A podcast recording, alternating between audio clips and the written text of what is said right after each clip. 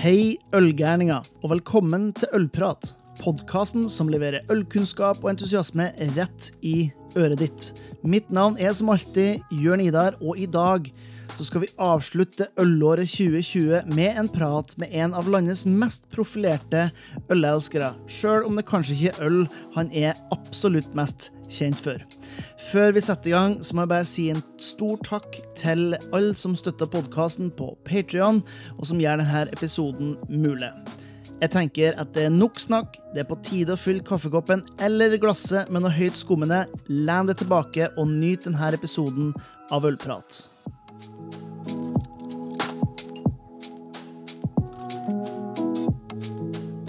Da kan vi ønske velkommen til Ølprat en, en fyr fra Gressvik. Faktisk den første deltakeren av Paradise Hotel som så ut som et vanlig menneske, og ikke en form for en gred, gresk gud eller gudinne.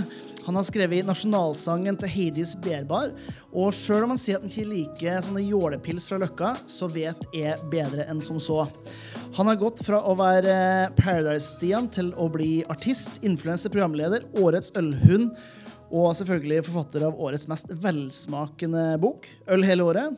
Så velkommen til Ølprat, Stian Staysman Torbjørnsen. Tusen, tusen hjertelig takk. Fantastisk eh, intro der. ja. uh, jeg skjønner ikke helt hva du mener med at jeg ikke ser ut som en gresk atlet, men uh, ellers så, så, var jeg enig i det meste. ja. Jeg håper ikke du tar akkurat den personen. Nei. ah, men jeg og du vi har jo blitt litt bedre kjent i de siste månedene. Mm. Siste året, egentlig. Um, men for de som ikke kjenner det, mm. uh, hvem er måtte, du, utenom en gresk gud og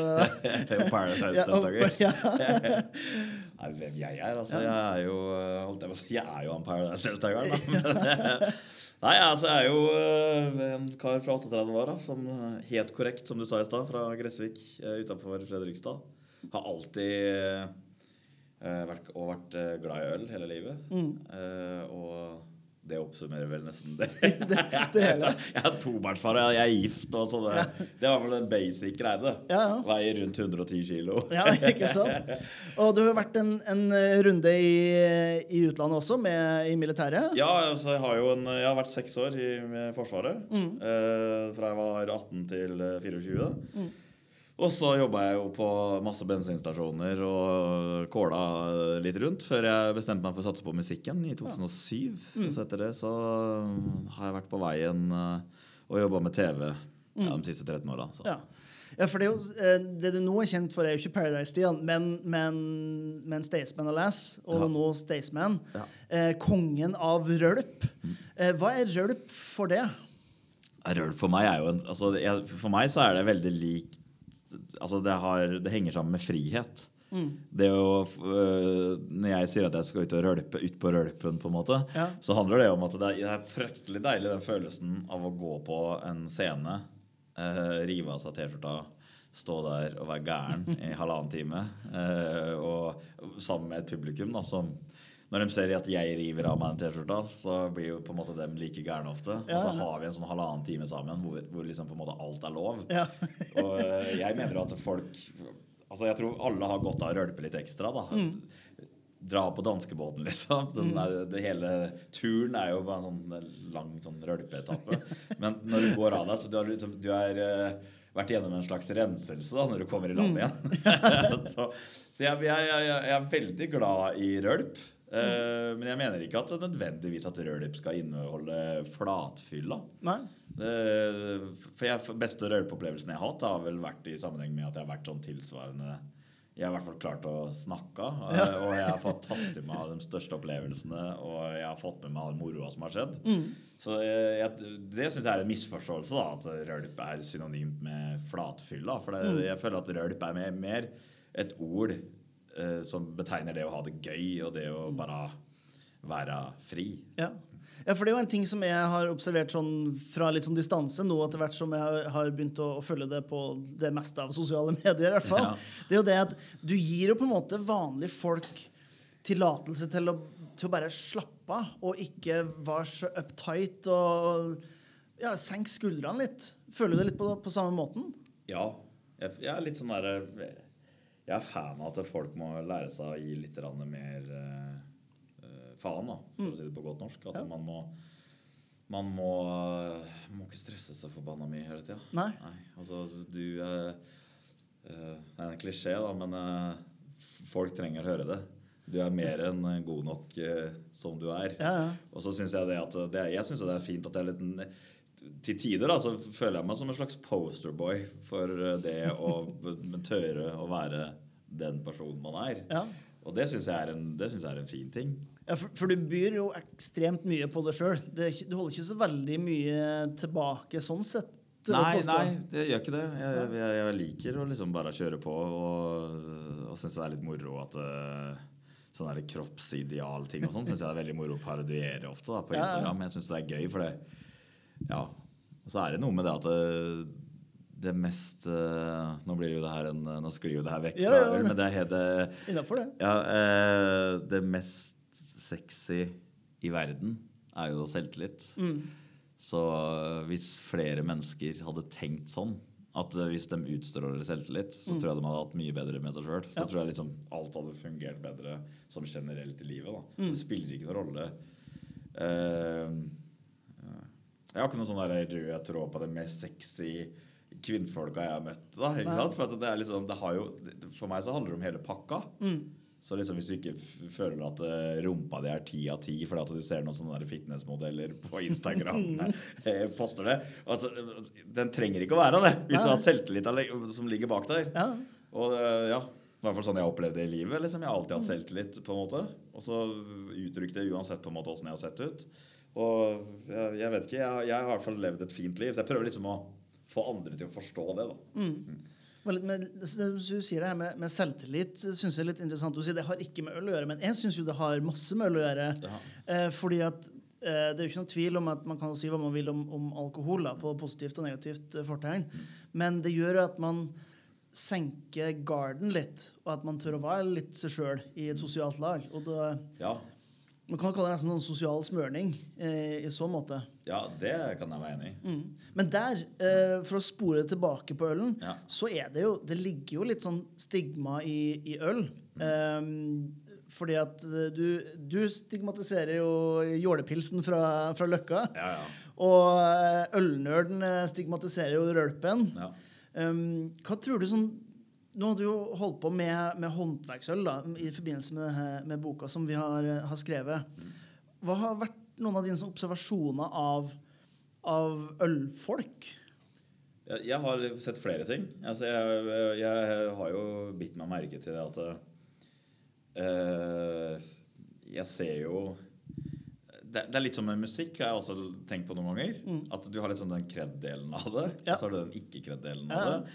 Og den kredible delen eh, med kanskje de ølnerdene da, som er, driver mikrobryggerier og sånn. ikke sant? På en måte de hater på. Jeg, jeg trekker jo sånn slutninger opp imot min egen bransje da, som musiker. At eh, det er veldig mange flinkismusikere som hater det greiene jeg driver med. Fordi at de mener at det er så forbanna lett, på en måte. Ja. Eller at det er, eh, det er så kommers og sånne ting. Og jeg har litt sett det samme, den samme, samme greiene i ølbransjen, egentlig. Men samtidig så føler jeg at det, eh, Ja, jeg får det sånn litt sånn på, på kroppen. Da, at eh, jeg, får, jeg har fått mer, mye mer respekt for mikrobryggerier og den jålepilsen, som jeg kaller det. ikke sant? Eh, og med arbeidet med den boka her. For at jeg ser jo hvor mye lidenskap det ligger bak.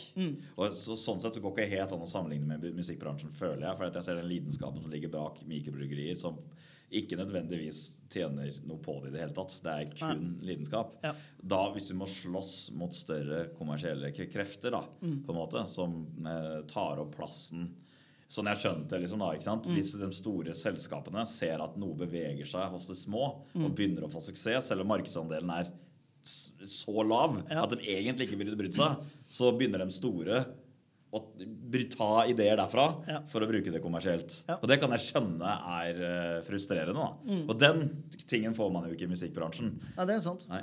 Men jeg, jeg, sy- jeg syns du er inne på noe ganske sånn viktig der. For at ehm, nå er det jo Vi tar opp det her uh, i desember, og det er jo ett sånn øl som sjøl den mest hardbarka ølfantasten aksepterer et godt øl, altså til tross for at det er brygga hos et stort bryggeri, Ja. og det er Ringnes julebukk.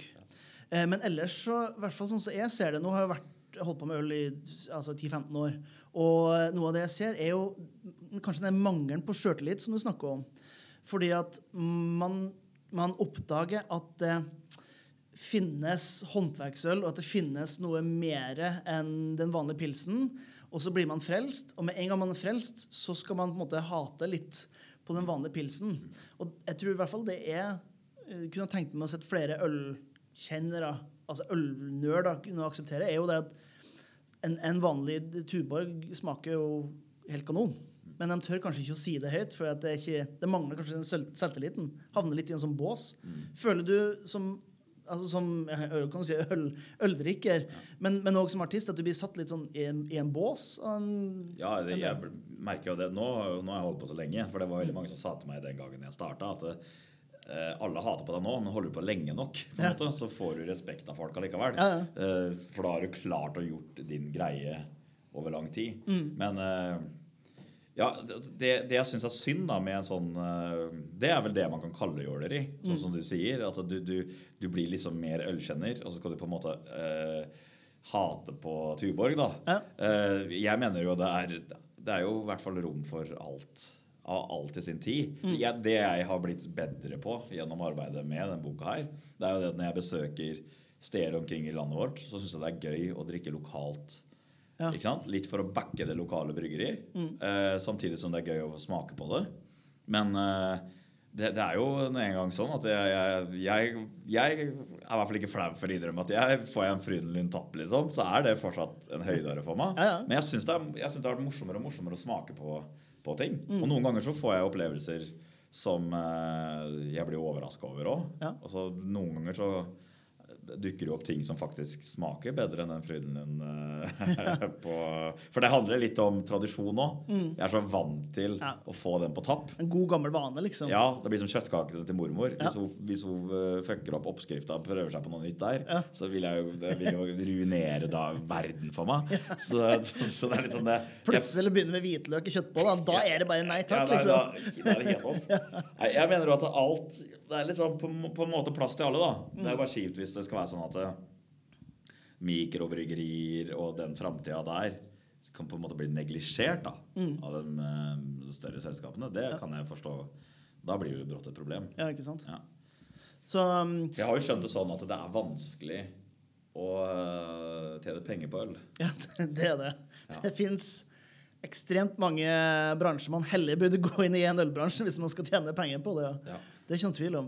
Um, den her eh, Første gang jeg ble introdusert til ideen om å lage øl hele året, uh, var Mark, som da driver eh, Goliat forlag. Han sendte meg melding, eller han ringte egentlig og spurte om, ja, om jeg hadde noe lyst til å skrive en ny bok. Det er jo da sjette boka, tror jeg, jeg skrev om øl. Eller ja, femte eller sjette boka om øl. Eh, og så spør han om jeg, om jeg kunne tenkt meg å skrive med noen andre. Og så sier ja, det er sikkert, ja, jeg har en veldig god idé. Eh, jeg, har en, jeg har en på blokka. Eh, altså Stian Torbjørnsen, han hørte om han? Han Staysman? Altså, ja, han, ja. Så bare Ja. ja, det forstår jeg. ja. eh, og så tok vi et møte. Eh, men, men, hva tenkte du når du fikk en, en, telefon fra forlaget som lurte på om du hadde lyst til å skrive en ølbok? Jeg var jo veldig ja. Mm. ja for jeg syns det er det, det er i hvert fall linka til meg, da. Mm. Og jeg syns det er finere, og det er jo det, er en, det, en tro, det ligger jo en troverdighet bak at jeg skriver en ølbok. Liksom. Det, og det er fint for meg hvis jeg skal bruke mine sosiale medier da, til å reklamere for noe. Jeg reklamerer jo nesten ikke for noen ting. Jeg takker stort sett nei til det meste. Mm. Og da er det kult å ha et eget produkt som er naturlig linka tilbake til deg, så det ikke mm. føles rart. Ja. Hvis jeg skulle brått begynt å Men sånn fitnessgreier, f.eks.? Ja, fitnessgreier, ja. Eller noe sånt, ja. Eller hva, hva som helst, egentlig. Så, så, det liksom eh, Så faller det litt gjennom sånn rent troverdighetsmessig, men akkurat mm. når jeg kan fronte øl hele året. Ja, så, så, så, så, er jo det, det helt Det, passer innom. Ja, altså, jeg syns det var dritkult, og jeg syns det var dritkult uh, uh, å få lov til å skrive det med deg, da, som mm. er en fagmann. Det er jo sånn, Jeg håpa jo at jeg skulle plukke opp noe uh, lære noe av det. Mm. Så jeg gikk jo inn med et sånt veldig så åpent sinn, til tross ja. for at jeg stadig vekk som snakker drit drit han med jålepils fra Løkka i Oslo. Jeg syns jo det er moro da, til dem som hører på, at uh, Jørn Idar han tar meg på det fryktelig fort. da. Og uh, det var vel nå ja, Jeg lagde en, uh, en rapplåt. Uh, og da tror jeg fra jeg posta den låta, for da sier jeg vel uh, et eller annet uh, Du får heller ha 96 enn en uh, Ja, drikker bare 96, drikker Ja. ikke IPA eller noe sånt. Ja, stemmer. og det tok vel sånn ca. tre minutter før jeg posta låta til du var på i kommentarfeltet. Stemmer det? ja, så jeg har blitt avslørt der litt. da, at det, det, det, Akkurat det der har litt med image å gjøre, kanskje. Men igjen, altså, da har man jo Kanskje det våkner noen øh, ølnerds der ute, da. Mm. Som, som ah, Trenger vi å ta Trenger vi å ta det der så alvorlig? Altså, trenger vi å være så nerdete? Liksom, kan vi ikke Ja. Mm. For jeg syns jo Det syns jeg er et generelt grunnlag, da. Altså jålekultur. Ja. Altså sånn Uansett om det er sneakers eller ja, ja, eller musikk. besserwisser-greie, da. Ja. Syns jeg jo er en, eh, en uting. Ja. For det, hvis ølmiljøet i Norge skal liksom Vi skal holde på det vi gjør, og hvis ikke du kan det og det, så kan du bare glemme å være med i klubben vår. Ja. Da tror jeg man skyter seg sjøl i leggen på, på, på kort og lang sikt, på en måte. Ja, for det er jo en, en ting som er Og derfor jeg var litt sånn Jeg, Jeg trekte meg litt sånn Eller ikke var sånn umiddelbart så positiv som det høres ut som du var når jeg fikk den ideen eh, presentert. Og det, det kan være helt ærlig på at det var jo min egen selvtillit det gikk på. Fordi at jeg var litt sånn redd for hva, hva vil miljøet si. Og så hadde vi første møte, og så eh, skjønte jo fort at du var med fordi at du er sånn genuint glad i øl.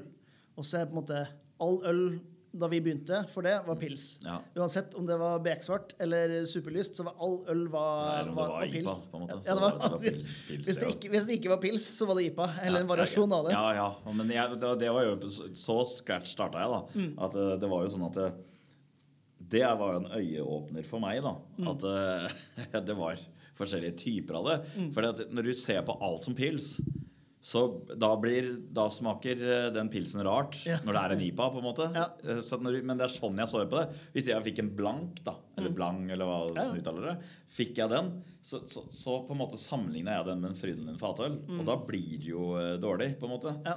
Det, blir jo, det er jo to forskjellige ting. Det blir som at hvis du har lyst til å drikke en cola, og så er det noen som gir deg Fanta, så syns du jo ikke da, Det er det er godt, på en Ja. måte. Så, så det var en sånn øyeåpen for meg. At når jeg skjønte at shit, ja, selvfølgelig, det er jo masse variasjoner, og det er forskjellig produkt. Mm. Og da blir det jo litt sånn at jeg kan synes nå at eh, får jeg servert en god uh, IPA, da, Mm. så uh, ja, så ser jeg på det på en litt annen måte. Mm.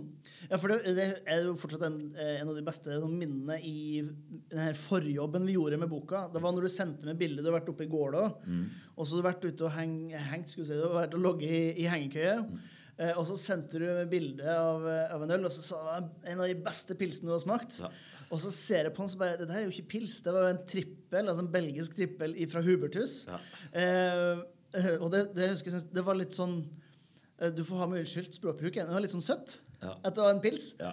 Men det, nå har du jo mye mer Du har mye mer forståelse. Du er enda mer interessert, altså genuint interessert i å lære om øl enn måte, du hadde grunnlag for i starten. Ja, og så, blir det jo litt sånn at det er morsommere å lære litt òg. Det er morsommere å gi andre de samme smaksopplevelsene som jeg har hatt. da, ikke sant? Sånn som den der Shimai det klosterølet. da. Mm. Ja. Eh, sånn som vi var nå på et utested i Fredrikstad med en kompis og spiste mat. Mm. Og de hadde den på menyen. Så bestilte jeg en sånn til hver av oss. Og eh, selv om jeg ikke er noe Jeg kan jo ikke drikke mye av det. eh, For da blir jeg jo kvalm. Eh, men saker. Ja, ja, men det er jo faktisk altså, Det er et kjempealternativ da, for eksempel til, en, eh, til dessert. Jeg er ikke så glad i dessert. Nei. Jeg liksom ofte bestiller meg en Irish eller noe sånt. Nå. Ja. Da er det jo masse av den stauten og sånt som er ute på markedet, da, Mm. eh, som jo fungerer utmerka som det. Mm. Så det, ja, så det og, da, og, og det at jeg syns det er morsomt nå å sitte på pub og på en måte brife med mine minimale kunnskaper, og så bestille en runde til alle med den og den IPA-en, og du må smake på den her for den er spennende og sånn, Mm. det er jo eh, ja, Det er i hvert fall et steg i riktig retning. Mm. Og jeg håper jo det at eh, Nå ble jeg jo årets ølhund, da, så jeg håper jo Ja. det å kunne være en slags uh, god uh, Hva heter det da? Representant Ja, for, for ølmiljøet. Ja. Så ja, det var en liten overraskelse for det. Ja, det var en stor overraskelse. Det var, jeg var jo jeg ble jo helt tatt på senga. Jeg hadde jo masa i flere uker på at vi måtte treffes, derfor det skulle være juleølpremiere, og Ja. det skulle være noe TV 2, og jeg, de var ikke interessert i å snakke med meg, egentlig. Da var du et godt trekkplaster. Og så kom jo enda sterkere og strammere restriksjoner rundt covid, og så gjorde vi det likevel. Og så kom det opp der, og Jeg var helt sjokkert. For først, for, for først så trodde jeg at noen hadde funnet på den ideen at, de skulle, at jeg måtte ta blindteste øl eller noe sånt. Nå. Eh, så jeg ble jo overrumpla med et kamera. Eh, og jeg er ikke så altså, Jeg er glad i å være på TV. Det skjønner alle som hører på eh, og, og har sett meg før. Det er ikke så, det syns jeg ikke er ubehagelig, men jeg liker å være forberedt i huet. Ja. Og jeg, det verste jeg vet, er å bli tatt på senga på TV. Sånn at nå, ha, nå skal, så jeg fikk jo et kamera i trynet, og så sto hun um, Hege He- Hege Ramseng, ja. ja, ja. Ja, og sto der. Og så tenkte jeg nå skal hun prøve å utfordre meg på noe sånt. Og det Mm. syns jeg er dritubehagelig. Ja. Men så skjønte jeg hvor det var til. Og så Å, shit, så kult! så jeg, det var, jeg gikk veldig fra bånn der til topp. på en måte. Men jeg synes det var fett, og så syns jeg det var kult. Og så, der, der har du det eksempelet igjen. ikke sant? Jeg er jo vant til å få kritikk, og jeg er vant til for alt mulig rart jeg driver med. ikke sant? Du kan ikke gjøre alle glad. Så sa jeg noen reagerte på det her, og at jeg fikk den prisen. da. Mm. Uh, men samtidig så syns jeg jo det synes jeg jo genuint, genuint at Bryggeriforeningen At de gir meg den prisen. Det er jo en eh, Da er man jo på en måte i gang, da. Altså, og og jeg, da er jeg jo på en måte et slags bindeledd mellom ølnerdsa Ja. og dem som ikke er det. Og eh, det håper jeg at jeg har fått til, og det, det føler jeg òg. At eh, med den boka her, og det å skape større interesse for øl, det eh, er jeg faktisk ganske sikker på at ja, jeg har klart. Ja, men det, det er jeg helt sikker på. Du har blitt en slags sånn, sånn beerfluencer, egentlig. Ja. Og det var fint navn. Ja, jeg vet det. Det er Ja. veldig, veldig Det klinger godt. Ja. Eh, Men, men jeg husker jo når vi annonserte det her, så var det jo et par som liksom ikke som, ja, som var rett ut dritskeptisk og syntes det var en skikkelig teit idé. Ja. Uh, og det første tenkte jeg bare Men da er dere det er for, Da tenker de for snevert. Mm. Fordi at noe av det som gjør øl til øl, er at det er så allemannseie. Det det, altså det, det er stikk motsatte av, av vin. Du har tatovert hjertet med øl i. Ja. Jeg har tatovert eh, halve armen min med øl. Du ser ikke det samme på vin. Og det er litt fordi at det er litt mer snobbete. Det er litt sånn uptight og, og litt vanskelig. Mens øl skal jo være noe for, for hvermannsen. Og det, det er jo en av de tingene som jeg har, har kreditert det med også, etter at vi begynte å, å, å jobbe med boka, er jo det at eh, jeg, jeg har sett enda mer pris på en god pils enn jeg gjorde. Jeg hadde bare glemt av hvor godt en god pils kan være, før du på en måte kom og minte meg på det.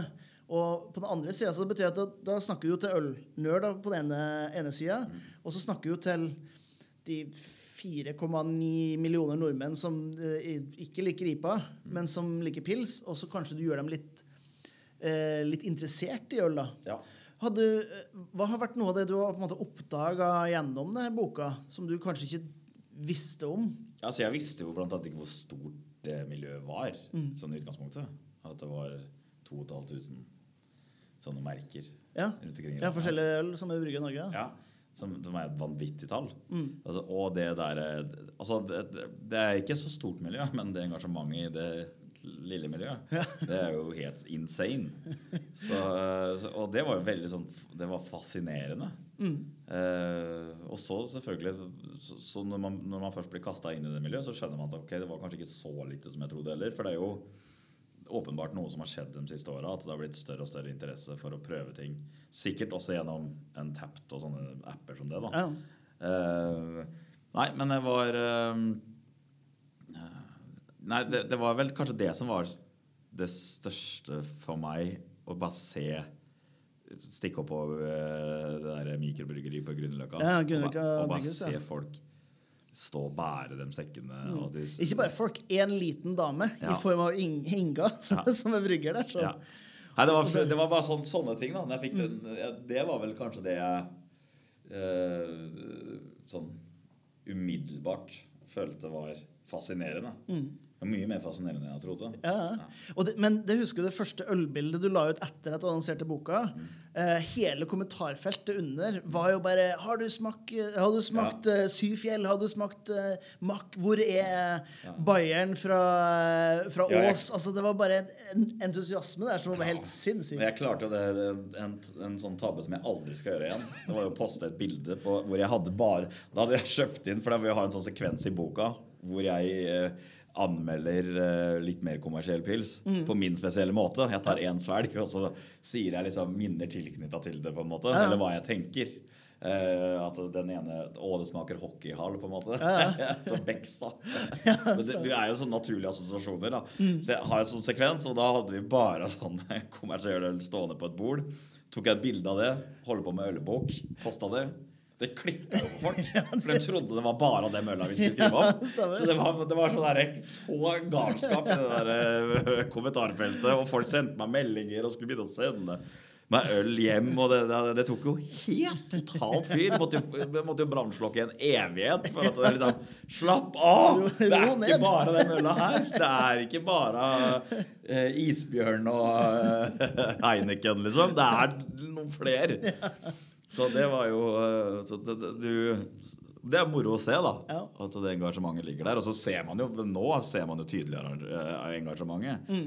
Den eh, ølboka den selger jo bra, og det er jo det er jo åpenbart et stort marked. Ja. ja, det er det. Og du har jo turnert landet rundt. Eh, hvem tror du er måte, mest stolt av sine øltradisjoner, sånn ut fra det du har sett? Å, herre eh, men, Eller har, eller har, du noen, har du noen sånne minner fra et, et sted du har vært og turnert, som, som ølminne, som du tenker bare det var ganske unikt?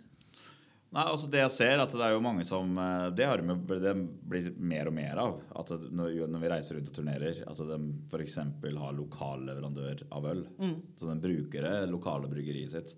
Så vi får øl derfra som vi kan ha på backstage. og sånn. Samtidig så føler jeg at alt oppe i Nord-Norge, der er liksom sånn som Mack eh, og sånn, da, hvis man tar de store bryggeriene, da, så føler man jo det at eh, dem har en sånn forskjellighet for det, altså det, er, det virker som om det er en sånn derre eh, det knytter på en måte nordlendinger sammen. på en måte. Det, det, det, det, er jo ganske intens når de først setter i gang. Ja, det, ja, det er akkurat det. Så det er litt sånn sånn eh, Hvis vi er der oppe, så isbjørn og de, de Mack-produktene som er, da De eh, føler jeg at de har en sånn stor kjærlighet for. Eh, så selvfølgelig har man jo alle de små stedene hvor på en måte Men fortsatt så er det jo ja, Det er nordlendinger og makt. De henger veldig sammen. Ja.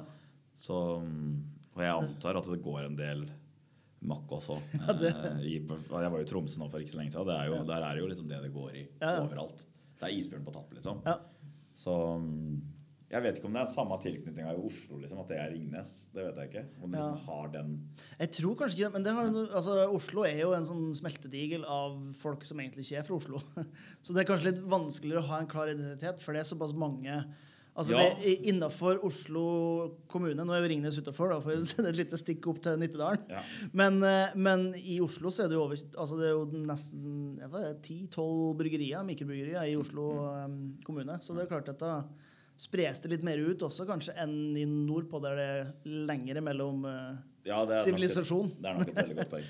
Jo, men det er jo jeg, Ja, jeg bare håper litt sånn ja, det kan jeg se. Oslo er jo også en, er en Der får du jo brått Fredrikstad-pils. de får jo til og med Hvaler-pils Mm. Ja, ja. på et sted nede på Jungstorget. Youngstorget. Hvaler-pils, liksom. Det har jeg ikke sett i Fredrikstad engang. Så, sånn, eh, så de får jo tak i det meste her nede. Mm. Så er det selvfølgelig litt det at jeg håper de der ølstedene Sånn er jeg blitt. Jeg har blitt sånn ølnerdete sjøl. At de øl, store ølstedene består. da Ja. For jeg jeg er litt redd for den krisa vi er inne i nå, med covid-19. At uh, dem som har spesialisert seg på å kanskje ha et bredt utvalg, de uh, er jo ofte ikke så kommersielle som andre. Nei. Og når jeg ser nå at eh, ting stenges jo ned for fote over hele Oslo og blir kjøpt opp av gigantiske aktører, som ikke nødvendigvis tror jeg da, jeg har lært litt av deg òg. Ja. Men ikke nødvendigvis er så opptatt av å ha 100 øltyper. De vil heller ha en god deal med Ringnes, så kan de få Helt korrekt. to typer øl. Ja. Og det syns jeg er synd, for jeg syns det skal være det mangfoldet. Jeg synes Det er deilig å kunne gå på f.eks. Brygg da når vi hadde boklansering. Og det var liksom der du blir tilbudt så, så mye mm. gøy. Og det må man jo ha. Ja, ja. For det, det, vil jo, det vil jo uansett Man trenger dem stedene i hovedstaden for å på en måte at det skal være liv laga for alle ølprodusenter rundt omkring ellers i landet. Ja, det er nesten litt synd, det er jeg som kommer fra Distrikt-Norge. Og må si meg bare 100% enig i det. Ja. Det er litt sånn early adapters i, i Oslo. På, på godt og vondt. Jeg fikk et spørsmål fra, fra Henning på, på Patrion. Ja.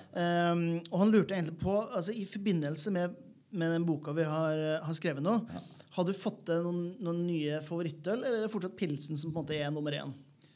Pilsen er jo vanskelig å legge fra meg, som jeg tror at det har noe med psykisk At det er noe psykisk. eh, at det, for at det er liksom bare den Jeg blir jo som en liten gutt når jeg får den der kalde pilsen på halvliter, liksom. Ja, du ble jo blank i øynene når vi var oppe på Ringnes der og fikk servert rett fra tank. Jeg vet jeg fikk det rett fra det var som, jeg, som jeg har sagt noen ganger i intervjuer nå, at det var som å være seks år igjen og få melk rett fra kua for første gang. på en måte. Det var jo, det var jo et stort øyeblikk for meg. Eh, så Nei, altså jeg, det jeg har eh, Jeg har sett, Nå ser jeg verdien i å sitte på en restaurant og bestille meg mer Jeg kan eh, klinke til med surøl.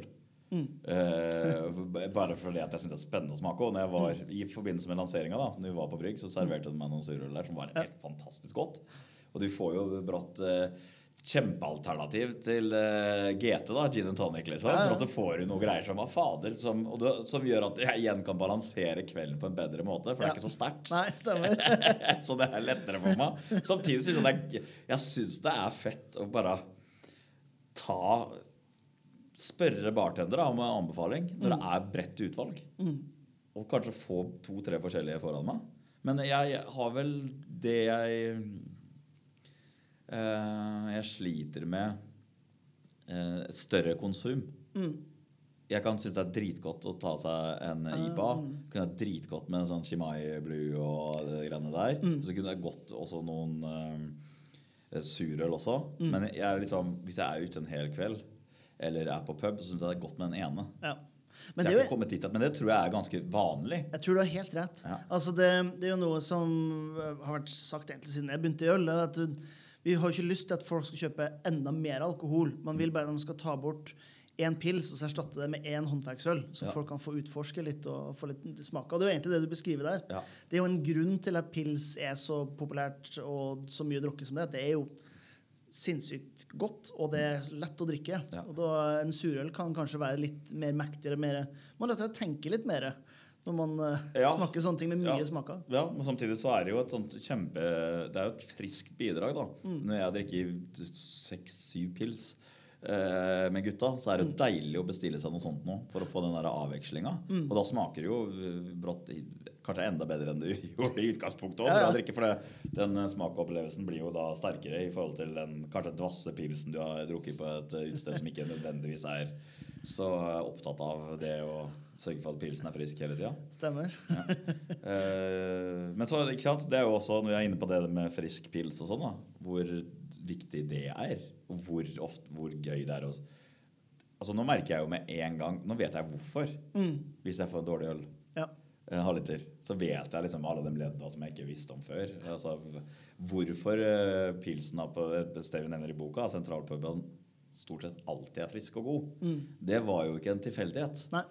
Når jeg spurte om det, så fikk jeg en sånn tirade på en time fra han stakkaren som sto og jobba der. Fordi at han fortalte Jo, nå skal du høre her, gutten min! Og det, da var jo, skjønte jeg at shit, det går jo faktisk på håndverk, det òg, da. Ja, ja. Ja, og det å, så det er liksom eh, Det er, mange av de tingene der. Men eh, tilbake til det med andre øltyper. Jeg har eh, uh, hatt veldig mange gode smaksopplevelser. Som jeg konkluderer med at jeg er glad i den pilsen min enda. Eh, men jeg syns det er digg å kunne nyte én eller to eller tre, for så vidt. Ja. Eh, jeg syns det er i hvert fall Det er bra med litt variasjon. Ja. Ja. Og, det, og det er jo det som du, du beskriver det her med, med sentralpuben, og hvorfor de har en god pils. ja. Sånn som jeg opplever eh, der du er nå i forhold til når jeg møtte deg for første gang, er jo at du setter jo kanskje enda mer pris på pilsen din nå enn du gjorde før, for at du kan mer om egentlig alt som har med øl å gjøre. ja. Så den, du setter kanskje enda mer pris på en, en god pils enn Ja, nå setter jeg nå, nå, nå på en måte Før så var jeg kanskje totalt ukritisk. da Jeg fikk den ølen, og så drakk jeg den. øl øl, liksom. Ja, Ja. Men nå skjønner jeg jo liksom at det, det her er jo slurv fra dem som driver sted. Som da irriter, kan også være irriterende, på en måte. Hvorfor, hvorfor gjør dere det her? Ikke sant? Eh, så det er sånn eh, Men samtidig, så da Når man får den bra, da, som du sier Du setter ekstra stor pris på det når, når du får den bra. Ikke sant? Og det, nå setter jeg ekstra stor pris på bare det å spørre en bartender da, på et eh, sted man sitter og spiser. Har du noen ølanbefalinger her? Og de kommer med noe mer info. Og du skjønner at de har gjort hjemmeleksa si. på en måte. Og da syns jeg det er gøy å bestille det de f.eks. anbefaler. Og eh, ja, det er, jeg har blitt mye mer nysgjerrig da, på alt. Og mm, så er det jo moro å se engasjementet hvis man fostrer noe. Hvis Ja. jeg drikker noe fra et uh, norsk uh, bryggeri. Så shit, for det tar jo fullstendig fyr. Bare sånn der, Å, jeg nyter den ølen her, liksom. Og så poster jeg et bilde av den, og så klikker det jo for det bryggeriet. Og, så det er sånn, uh, for jeg skjønner at i Norge så har man jo den utfordringa at man har ikke lov til å reklamere. Så når jeg da gir en shout-out til en god øl da, jeg smaker, så kan jeg forstå at det blir litt sånn uh, oppstyr rundt det. Ja, ja. Men det er veldig morsomt å se, da. Ja. Og veldig fint å se òg. At det brått får en reposting av det bildet av 70 mennesker fra den lokale Mm. bygda hvor det ølet kommer fra. liksom. Det er totalt fyr. Så det syns jeg er morsomt. Ja, men det er jo litt sånn, Jeg har jo sagt det at eh, øl og musikk er veldig likt i det at alle har en mening om det. Eh, Enten at de liker noe eller ikke liker noe, eller er mot det eller for det. eller Ja. Det, det er følelser, rett og slett. Mm. før, vi, før vi avslutter, Stian, skal jeg stille et spørsmål som jeg stiller alle som er med på, på podkasten. Ja. Forholdsvis enkelt, egentlig. og det er Hvis du skal ha en god øl- og matopplevelse, hva, hva ville du ha satt eh, sammen ut ifra det du har lært det siste året halvannet? Åh, da ville jeg hatt uh, Jeg tror faktisk uh, uh, Det jeg nevnte i stad. En eller annen en litt sterk stout eh, som dessert. Og da, da, da på en måte, Det kan være etter biffen, på en måte. Det spiller ikke noen rolle. For at jeg, jeg, men jeg er ikke så dessertmann. Nei. Men jeg syns eh, øl er godt. Og jeg, det, det stout-greiene Det har overraska meg veldig. Ja. For jeg er egentlig ikke så sjokoladefyr heller. Nei. Jeg er ikke så glad i det. Men jeg synes det er mange av de der stoutene som jeg har drukket nå i det siste, har vært sånn perfekt balansert. Det har liksom vært litt kaffe, litt sjokolade. Ja, Så det har liksom ikke overstyrt. Det har ikke vært for søtt. Det har egentlig vært perfekt balansegang for meg. da. Mm. Så det, det er jo mitt tips. da. Bytte ut desserten. Drit i isen. Men selv om det passer sikkert helt nydelig til is òg. Men ta dere en litt sånn tyngre stout. Jeg, lik, jeg liker den. liksom Stout til dessert. Ja, ja, ja. For Før så var det alltid Irish coffee til dessert, for jeg er ikke sånn dessertmann. Mens nå har jeg bytta ut det. da altså, hvis, de, hvis de har noe godt på menyen, så tar jeg og klinker til med det isteden. Så det er vel Det får være min uh, anbefaling. Ja, det er helt kanon. det. Ja. du kan ikke gå feil med det. Nei, Stian, da Ja. sier jeg bare tusen takk for, uh, for praten denne gangen. bare koselig. Og så får vi håpe at uh, Norge åpner opp litt mer enn her vi sitter i dag, sånn at vi kan gå ut og ta oss en, en øl sammen igjen snart. Jeg må jo ha meddrakt, ikke sant. Jeg, må, jeg sitter her med en sixpack ved siden av meg nå, for at det nytter ikke å få kjøpt en pils ute lenger. Så Da er vi dømt til å drikke hjemme. ja, men takk for praten, Stian. jo, takk skal du ha. Stor takk til Stian for en herlig liten ølprat, og ikke minst takk for at du hører på. Hvis du syns det her er gode saker, og du får noe igjen for det, tips gjerne en ølgærning som kan ha nytte av litt ølkunnskap i ørene sine. Det hadde jeg satt veldig stor pris på. Og du kan jo òg vurdere om eh, du vil støtte den jobben som jeg prøver å gjøre for håndverksøl, gjennom å gå til patrion.com slash ollprat. Eh, Der eh, kan du få høre blant annet de her episodene før alle andre. Hvis du vil ha bare oppskrifter, artikler eller inspirasjon, så finner du Høyt skum både på Facebook og Instagram, og selvfølgelig på høytskum.no. Til neste gang så eh, håper dere får en fantastisk fin julefeiring, og at dere husker på at livet er for kort til å drikke dårlig øl.